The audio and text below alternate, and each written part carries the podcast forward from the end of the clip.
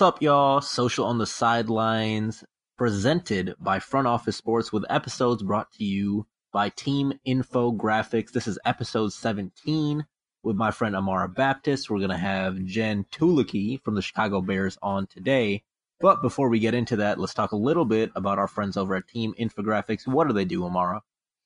Yes, our friends over at Team Infographics provide us with any content needs that we need um, as well as every major sport you can think of. They are there giving us that fire. Where can you find them?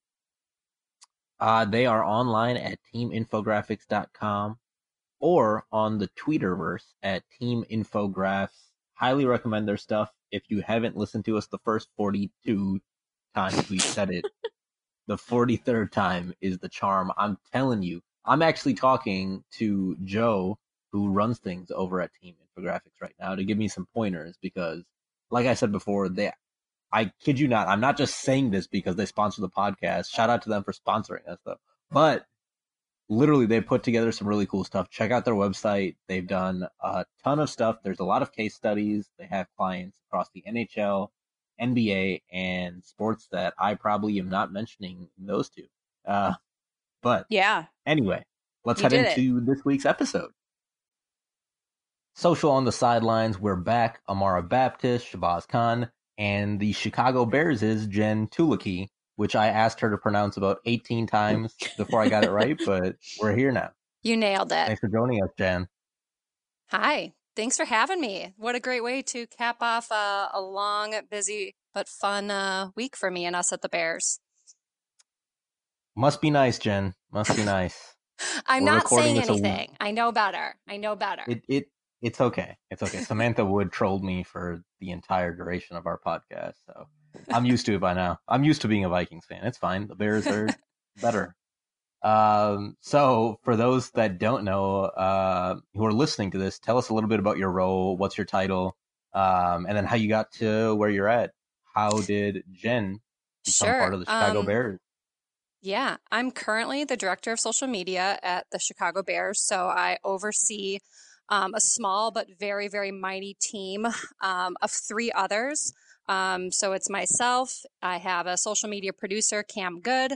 I have a uh, social media coordinator, Sydney Golick, and we have a seasonal right now that is super design focused because we all know content is king um, in Mary Kate Helm. So um, we're the ones behind the scenes on social, but as you guys I'm sure know, um, the everybody at the Bears kind of has a hand in what we do. Our video team helps bring everything to life. We couldn't do anything without them. Our website team, those digital guys. Um, so really, I'm overseeing a lot of that, but there's just so many people um, that are helping to make it happen here. Um, as for my journey, I guess it's super, super unconventional. And in telling you guys, I'm totally going to date myself a little bit, but when I graduated college, Facebook was brand new. I spent most of my college years on MySpace.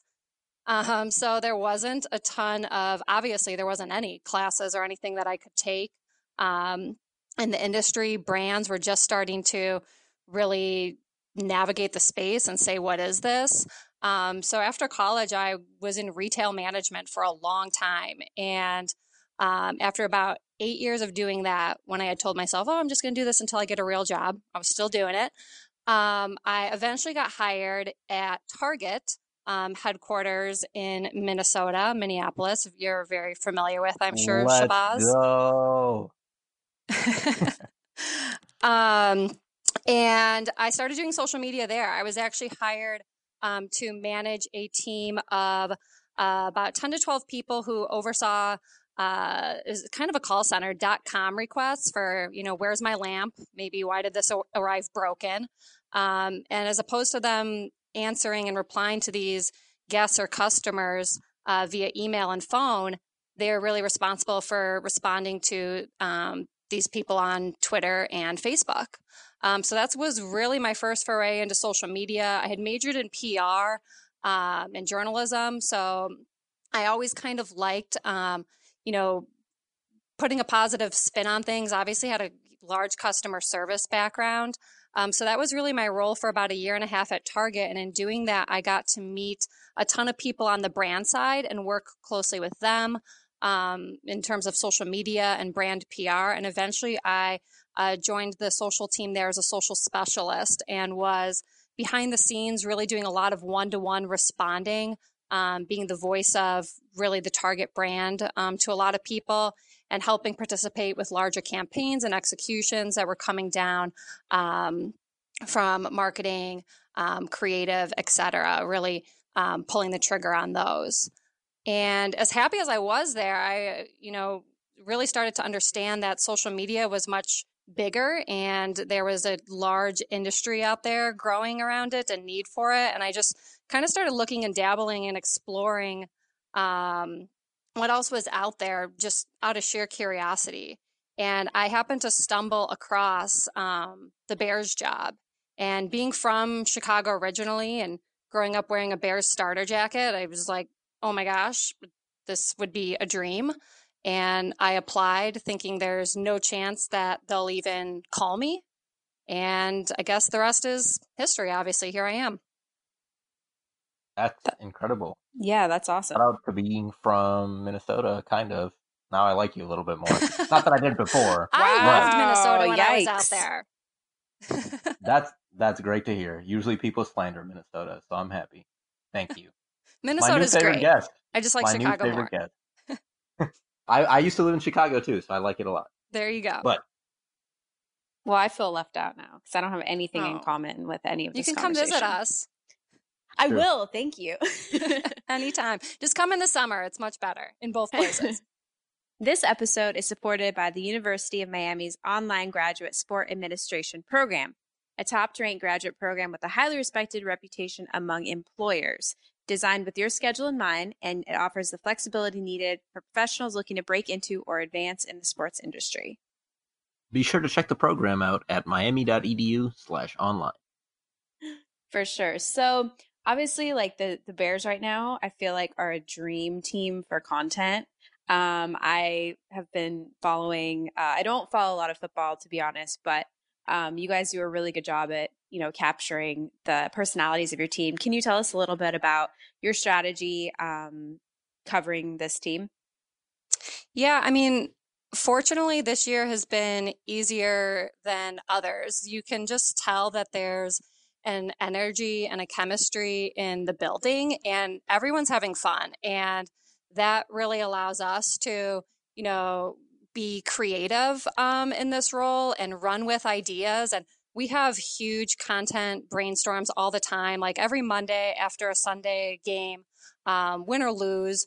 Um, there's a huge group of us sitting at a table talking about what can we do, um, what are the fans talking about. Um, they really obviously are the backbone um, and, and reason for what we do and why we do it, and help fuel our creativity.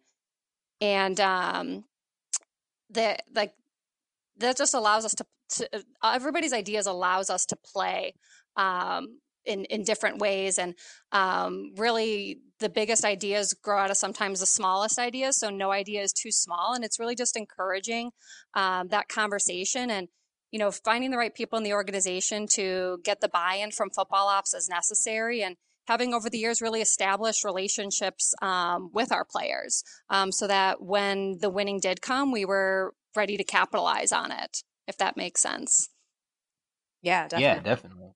It does. Um, I want to rewind just a little bit before I get into the nitty gritty uh, of all things Bears content. Talk a little bit about some of the differences between, uh, you know, social media and sports and what you were doing very corporate um, with a huge brand, globally known in Target, because I'm assuming a lot of the listeners uh, might not have sports backgrounds. So, what did you learn from that? Um, what would you recommend doing to grow into a sports, uh, you know, social role thereafter?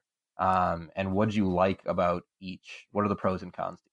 Sure. I think one of the things that I learned at Target as soon as I became a social media specialist is how important your voice and your tone were, and really establishing that um, across mediums and in everything you do, and making sure that you know who you're putting out there, like you, you start to set an expectation um, with that. And it certainly wasn't just me doing it at Target. There were so many people, but I think it was all of us kind of coming together and understanding that this is our tone, this is our personality. Um, and so when I got to the Bears, um, while that tone and personality was very different, and there was a lot of people here who right off the bat helped me understand what that was, it was still um, treading a little bit lightly at the beginning um, and seeing what our fans were comfortable with. I mean, I think as soon as I got here, a lot of people recognized that the Bears are doing something differently on social media, um, that there was a new personality um, behind the scenes. And so it was just starting to learn what the fans were comfortable with and um, applying that little by little until we were able to, at this point now, a few years after doing it, like grow into um, the the personality and the voice that we are um, as a social as, as, the Chicago Bears. And again, that's not just me doing it. I think it was um, a lot of the right hiring decisions, um, hiring people who have similar personalities um, that can carry that voice and tone. And again, I learned that from Target as well as we worked there as a team, that it was really important here to have a team um, that could work cohesively and understood um, our, our goals in that way of making sure that you know we we we were a fan in the social space. We are a fan. We're a fan first. Um, and so those are kind of things that i learned at target and that even though very different there than you know representing a sports team that i was i think fairly easily able to carry over um, and just finding out what the right way to do it was here at the bears. Makes sense you guys definitely do a good job. Um, it, it's a perfect segue into the next question I have, which is um, the tone and, and, kind of creative that you guys have put out this year. I think it's one of the most distinct, not only in the NFL but in sports, in the kind of animated um, monsters of the Midway, and obviously you guys have all the really cool bear graphics that are incorporated into game. How did that come to fruition?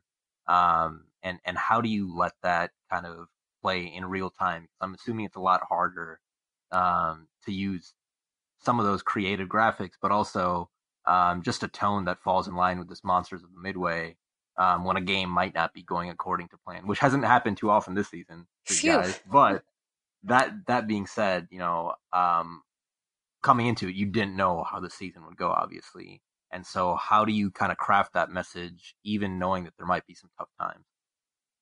Yeah, definitely. I mean, first to speak to the Monsters of the Midway look that we have. Obviously, the Monsters of the Midway is a very rich part of our history. And I think this year um, we had a little bit of freedom from the organization to think about, you know, what our um, big brand look was going to be. And that wasn't an idea that started um, with the social media team. That was something that was much larger than us, that was a huge organizational undertaking.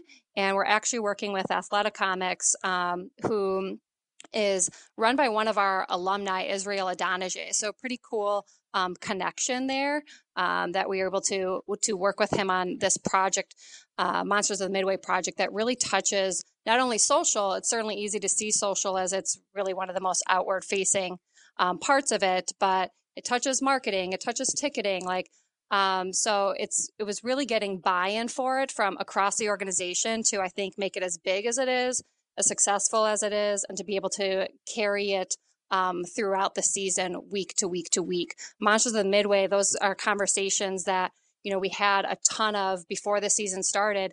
Um, if if the season's going well, you know, here's what the story's going to be. In case it's not, like you know, it's not. We're going to make sure that it's not all about the game always that that story is not always about the game but it's about these heroes that are fighting for the city which is really what the chicago bears what the players are doing at heart. Um, so I, I, think that that's how we brought it to life and we carry it through week to week to week.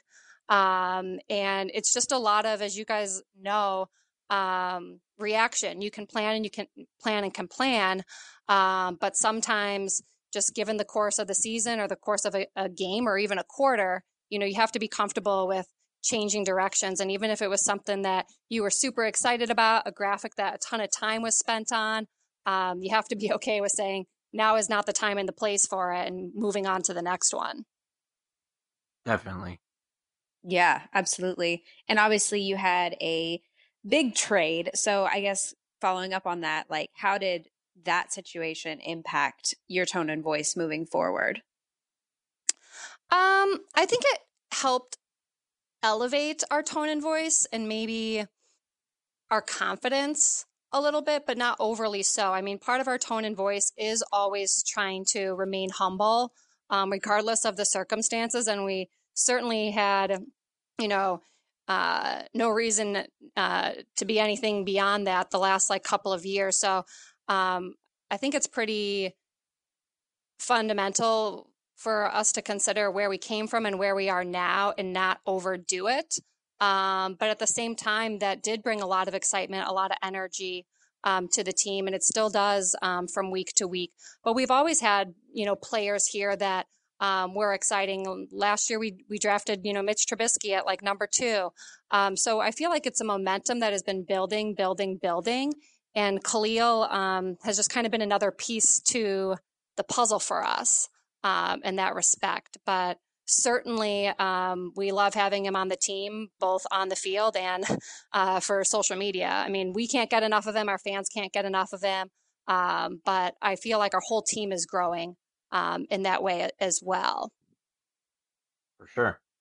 Um, one thing that I think you bring a unique perspective to, and um, I think all three of us can kind of speak to, is uh, from a managerial standpoint, we've all been at a place where we were very much the hands-on, behind the keyboard content creation, and I think um, all three of us have kind of not completely 100% let go of that, but for the most part, um, now there's these robust teams behind us, and we're more uh, in charge of the strategy and the execution, and ensuring that all these different aspects are are going about the right way. Talk a little bit about the difference um, from when you first started out in social as that um, content creator to now managing a very talented team. What are the differences uh, for people listening, and, and what do you prefer? Um, you know, is there parts about that that you miss? Um, and you know, as you've grown, which is your favorite role to kind of to be in? Ooh, it's so hard to say what my favorite role is. Um, when I first started at the Bears, I was, as I'm sure many people when they start in the industry were, and I know some still are, a team of one. So I was busy running around um, with a phone in each hand, with a DSLR camera around my neck, um, trying to get Snapchat content out, trying to get content out on Twitter, trying to post on Instagram. Um, so it was a lot, and I definitely felt like I was never doing enough. You, I think it's easy in this industry to always feel like you're missing something. Um, and I had, I think, a lot of FOMO um, at the time. But as our team has grown, um, like you said, it's become less of me as a content creator and more of really trusting the people that are on my team with their the skill set that they have to help bring our content, our graphics, our voice that we've discussed um, to life a little bit more, and me overseeing that and coaching um, them on those things, as well as, I guess, helping um, bring ideas to the table and making sure that we're, no matter how busy we are, um, pushing the pause button when necessary and saying, okay, look, let's take a moment, regroup. What are our priorities right now? What absolutely needs to get done right now? What can wait until tomorrow? And then also when something just pops up, even when you think you've had that conversation and you got you've gotten it all figured out, um, saying, okay, now we got to jump on this. Now this has to be our priority, and almost like rework the puzzle um, a little bit and consider our content schedule. How how are things shifting in there? Um, I think that that's something that I definitely, being more into the strategy side of things, consider a lot more and care a lot more about is trying to get the timing right. Um, sometimes when you have an amazing piece of content you've been working on or a great idea, I think it's easy to just want to go, go, go and get it out the door. Um, but really the planning part of everything and trying to make sure that we're picking the best time possible um, when our fans are out there, when they're listening, when conversation uh, might be at a little bit of a lull for us to be able to make a splash. I think those are the things that I have taken a lot more time to consider, as well as analytics. I spend so much time in CrowdTangle um, nowadays, really looking at our interaction rate, our total interaction, our video views, and trying to understand how the content that we've done has influenced those. Looking at um, others around the NFL, others around the NBA, um, try and see what they're doing and learn from that and get inspiration from that. Um, so while I'm more hands off in the creation process, I really do enjoy the strategy of it all. And um, like I said earlier, it's almost like trying to put a puzzle together sometimes, and that can be that can be a lot of fun. I, I said I majored in PR and journalism, and I think it's fun to consider how do you put the right spin on this. And, so, and sometimes you nail it, and sometimes you don't. But every opportunity is a learning experience. I feel like. Absolutely. You bring up CrowdTangle, which is probably my favorite tool that I've ever used from an analytics that's free for I cannot believe it's free. I say that all the time. I cannot believe it's free. I, that and I'm not sure if you're familiar, TrackMaven are probably what I spend 20 hours a week in. And not only because like it's just tracking, you know, how the things that we're putting out are performing, but it's actually pretty cool just to see how other teams are doing too. And it's all publicly available data. I, I digress. I, get, I, get, I, haven't been in TrackMaven yet. I've heard a lot about it and now I feel like you're definitely pushing me where I come in on Monday. I'm like, okay, CrowdTangle, TrackMaven, figure it out, Jen. Let's talk about it. Let's talk about it offline. Um, my question's kind of uh, going back to like the the team side of things. So you guys have a lot of access in the locker room, and you know, I'm assuming with players. How did you go about that? getting PR to buy in, the players to buy in? Because I think sometimes people on teams kind of struggle with that. Um, mm-hmm. So if mm-hmm. you could just share your experience. Yeah, I think that our entire team that, you know, from the, especially the video guys that have access to those types of areas and are the ones like filming our club dub videos. Um, it's really about making sure that you're never staying too long, never where you, um, never being somewhere if you don't need to be there, and um, are a, a, fly on the wall. I think that's the approach that we take in a lot of those situations. Um, to be a fly on the wall, you don't want to stick out like a sore thumb. And really, when we do have those behind the scenes um, opportunities and access, everything that we do um, gets put through a filter on um, the content side first. So um, we have a great team that has been doing this for a long time that I think really understands um, the ins and outs of what is allowed and what wouldn't be um, in a video or piece of content. So applying our own filter to it first, but then also like we share all of that content with PR um, before it goes out the door too. So sometimes that holds up the process in getting content out, but I'm a huge advocate for it because that's protecting our brand and making sure that we get content out um, that is only going to um, do good for us, do good for the Bears, do um, well for the players.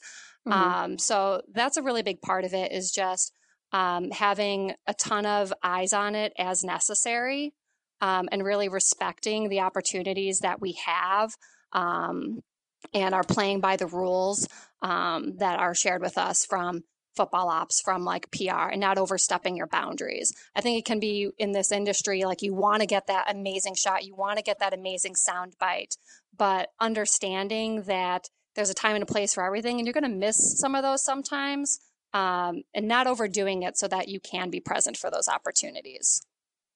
For sure. Great insight. Um, so I, I want to take it in a little bit of a different route and put you on a, on the spot.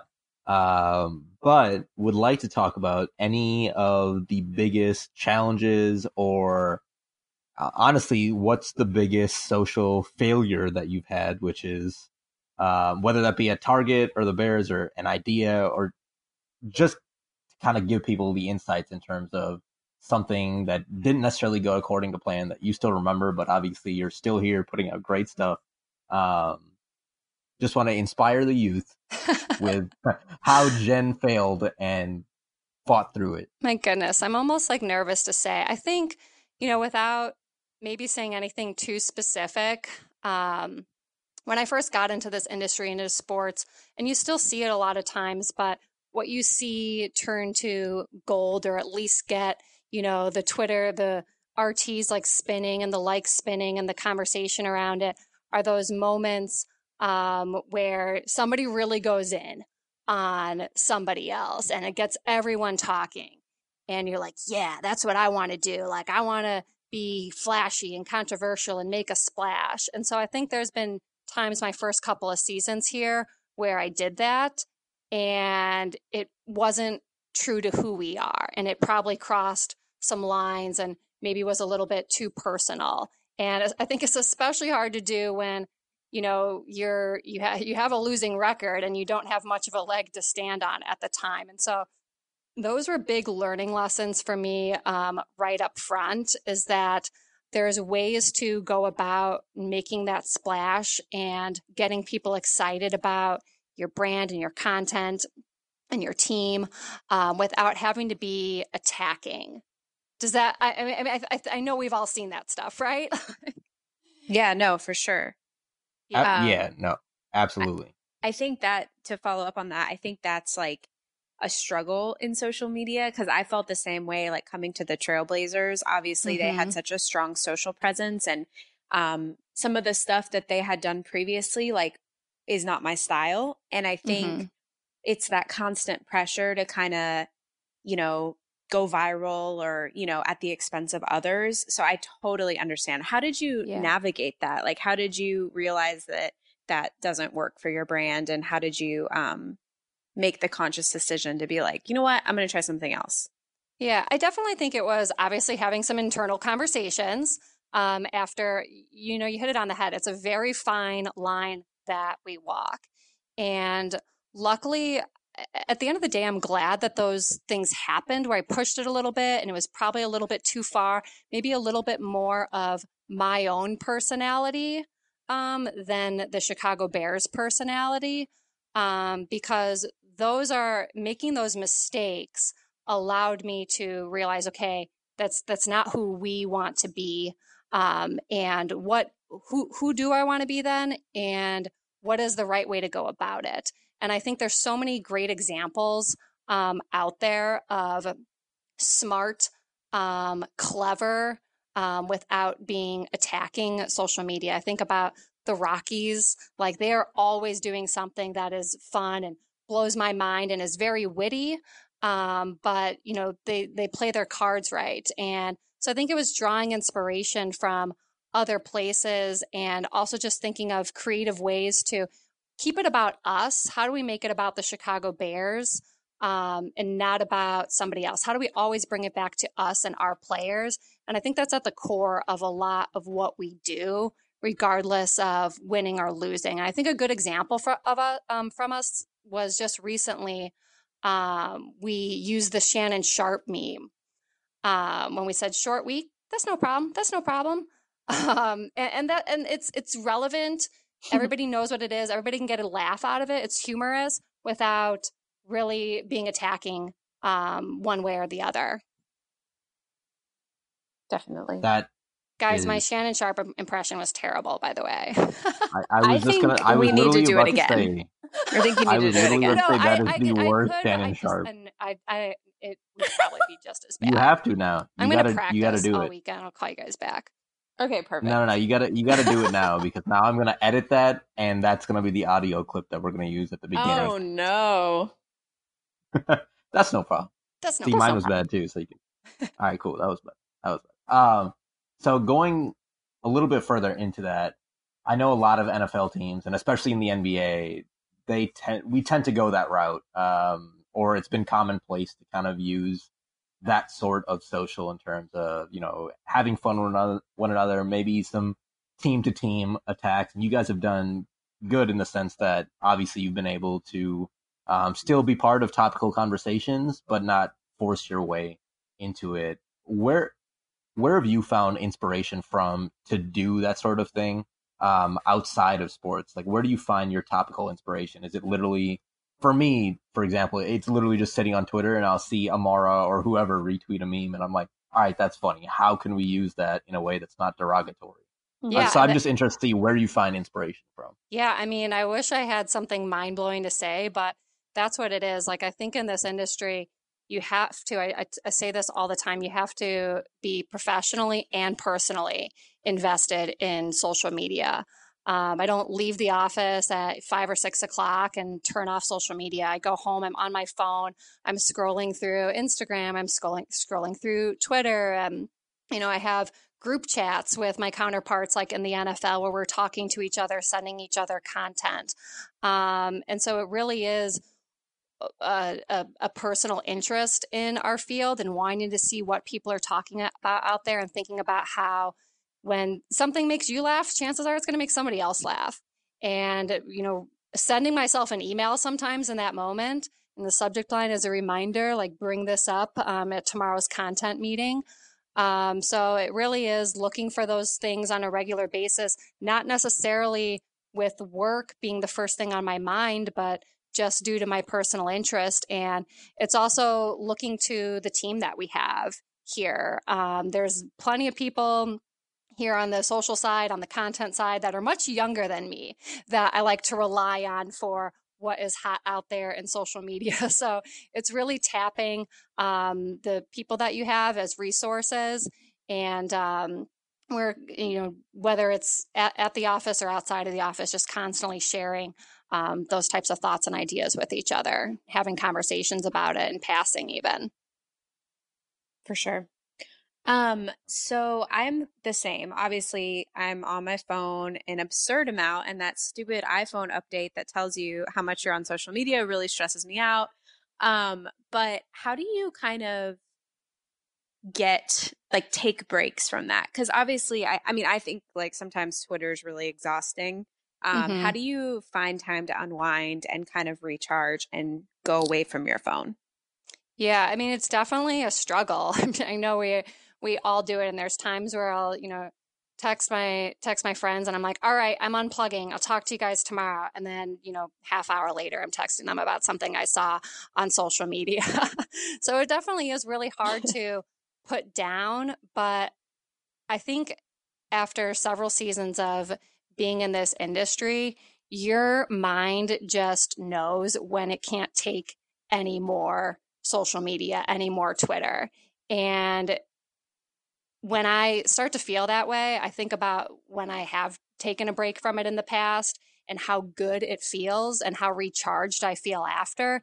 And that's a good reminder to say, okay, you really do need to put it down now. A lot of times I'll let my team know, hey, I'm I'm going to be off social media tonight, a couple days. If you see it, not a couple days, you know, like if you if you see anything, like let me know. But there's times where a couple days on my personal account, I, I do go off of, and it is just about work at, at, at that point.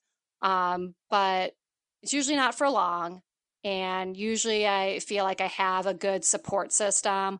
Uh, my team here at the Bears and others that I know in the industry that if something's popping, I will find out about it. I think we probably all feel that way. For sure.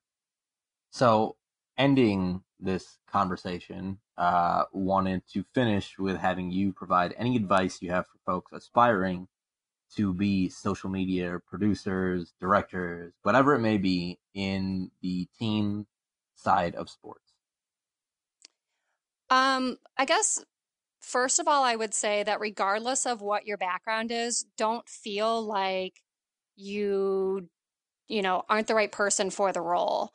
Um, I didn't have a background in sports, and I hear a lot of people say that if you don't have a background, if you don't know people in sports, you won't get into sports. And I just, I would never approach um, this industry or any industry or any goal in life, I guess, that way. Um, so always whatever role you are in, think about how it can be applied to social and sports and um, figure out how to make that work for you.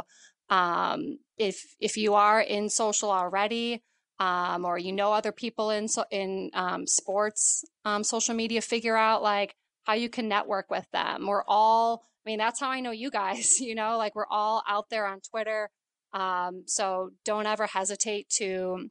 I feel like reach out to somebody that you might think has an interesting role or might have inspired you um, in some in some way.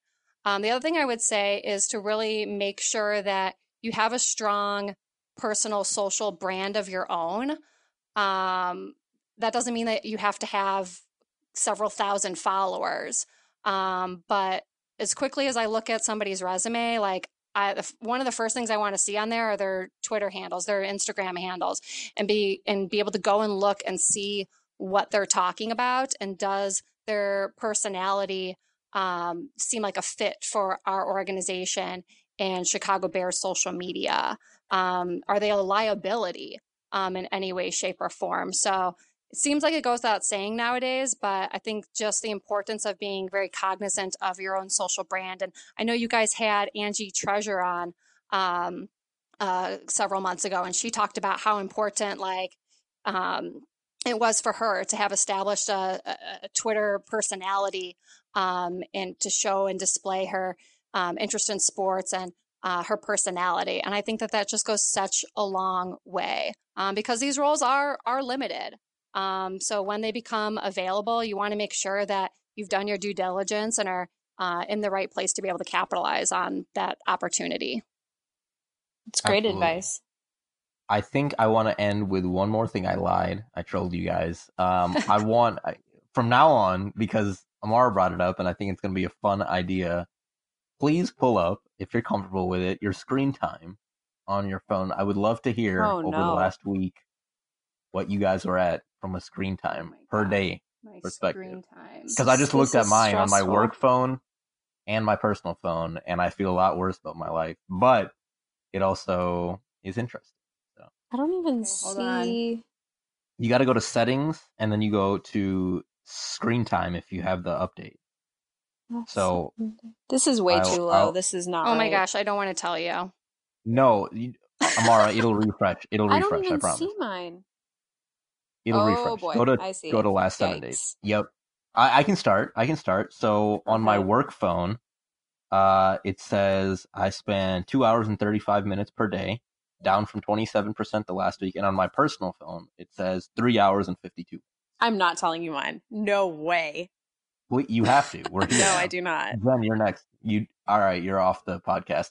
Uh, I'll share mine. I'll share mine, and then maybe you'll feel okay. better about sharing yours, Amara. Okay. Go for it. Okay, so I'm looking on my personal phone because I'm actually talking to you guys on my work phone, and I, I okay. use them fairly interchangeably in terms of surfing the internet and Twitter and Same. Instagram and whatnot. So um, I have let's see, an average of four hours and 59 minutes per day for the last seven days. And my social networking over the last seven days is, oh gosh, it's like I have anxiety saying this out loud 21 hours and 20 minutes. Weekly total 34 hours and 59 minutes on my phone. Oh my. Yeah, mine's about the same. Elaborate, Amara. No, it's bad. I need to I need to delete my life. This is a wake up call, guys. It is. I think we're all gonna hang up and just Yikes. go off the grid incognito. What's your next most 24 hours? Social. My most by far. What's yours? Twitter, by far. Mine's Instagram, which is shocking. Really? Yeah. Mine is I've spent uh, 12 hours on both my work and uh, personal phone over the last week on Twitter, combined between the two. Yeah, that's this is uh this is bad. This is really bad. I've I spent five hours on Twitter in the last seven days. Twenty or two hours on Instagram. Okay. All right. Mine's, well, mine's this three and been, three. Things, This has been great, guys. Really Sorry great for way depressing to end everybody. This. Yep. See, this is why you need to be both personally and professionally interested in this world. Yikes. The more you know. Thank you so much, Jen, for hopping on with us today. Yeah, thank you so much. I um, hope that you guys had a great Thanksgiving and were able to unplug a little bit and enjoy some turkey and family and uh, time with friends. You know what, Jen? I did. Besides the fact that I spent the entire week sulking because the Vikings lost. So Yikes. thanks for reminding me. All right, everybody. Thank you for listening to today. Uh, today's episode, episode 17 of Social on the Sidelines, presented by Front Office Sports. With each and every episode brought to you by our friends at Team Infographics. You can find them online at teaminfographics.com or on the Twitterverse at Twitterverse, Twitterverse, same thing. Uh, at Team Infographs. Uh, Amara, thank you for sticking through 17 episodes. Um, I kind of want to kick you off after the first three, but here we are. Wow. Wow. I told him, Well, I told him, I told Amara that on SoundCloud it says that we have 14,000 plays of our podcast, which is insane to us. That's like crazy. we've said it, we've said it time and time again, but we really didn't think this thing was gonna be that big. 14,000 is insane for 17 episodes. So thank you all for listening to all of our episodes. If you haven't listened to one, it's too late. You can't listen to it. You Yeah, shouldn't go back. it expired. No. Sorry. Yeah, the expiration date was when it came out. So if you Yeah. didn't listen to it the first week, we're not Yikes. happy with you. Actually, we are. Thank you for listening. Uh, thank you for continuing to hear me bicker at the end of every episode and at the beginning and at the middle and probably during without Correct. turning me off.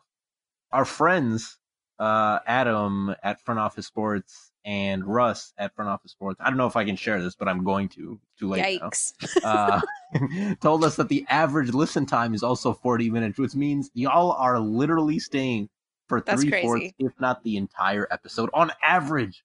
That's ins- y'all really just listening to me shouting out sponsors that don't sponsor us or trying to get sponsors that don't sponsor us, like Paddington the Bear. They still haven't hit us up. yeah, what the heck? I'm mad. I'm big mad. No, but All right. we no, I I have something to say. Shabazz. okay. Don't All don't right. cut me off. I did not. Um No, but really, I we always get like tweets from you guys listening saying that it's like inspiring you and our guests are helping you keep motivated and keep looking for jobs in the sports industry and that just means so much. So, thank you guys for listening and for telling us that you're listening and for telling your friends to listen. We really appreciate it. We Okay, really do.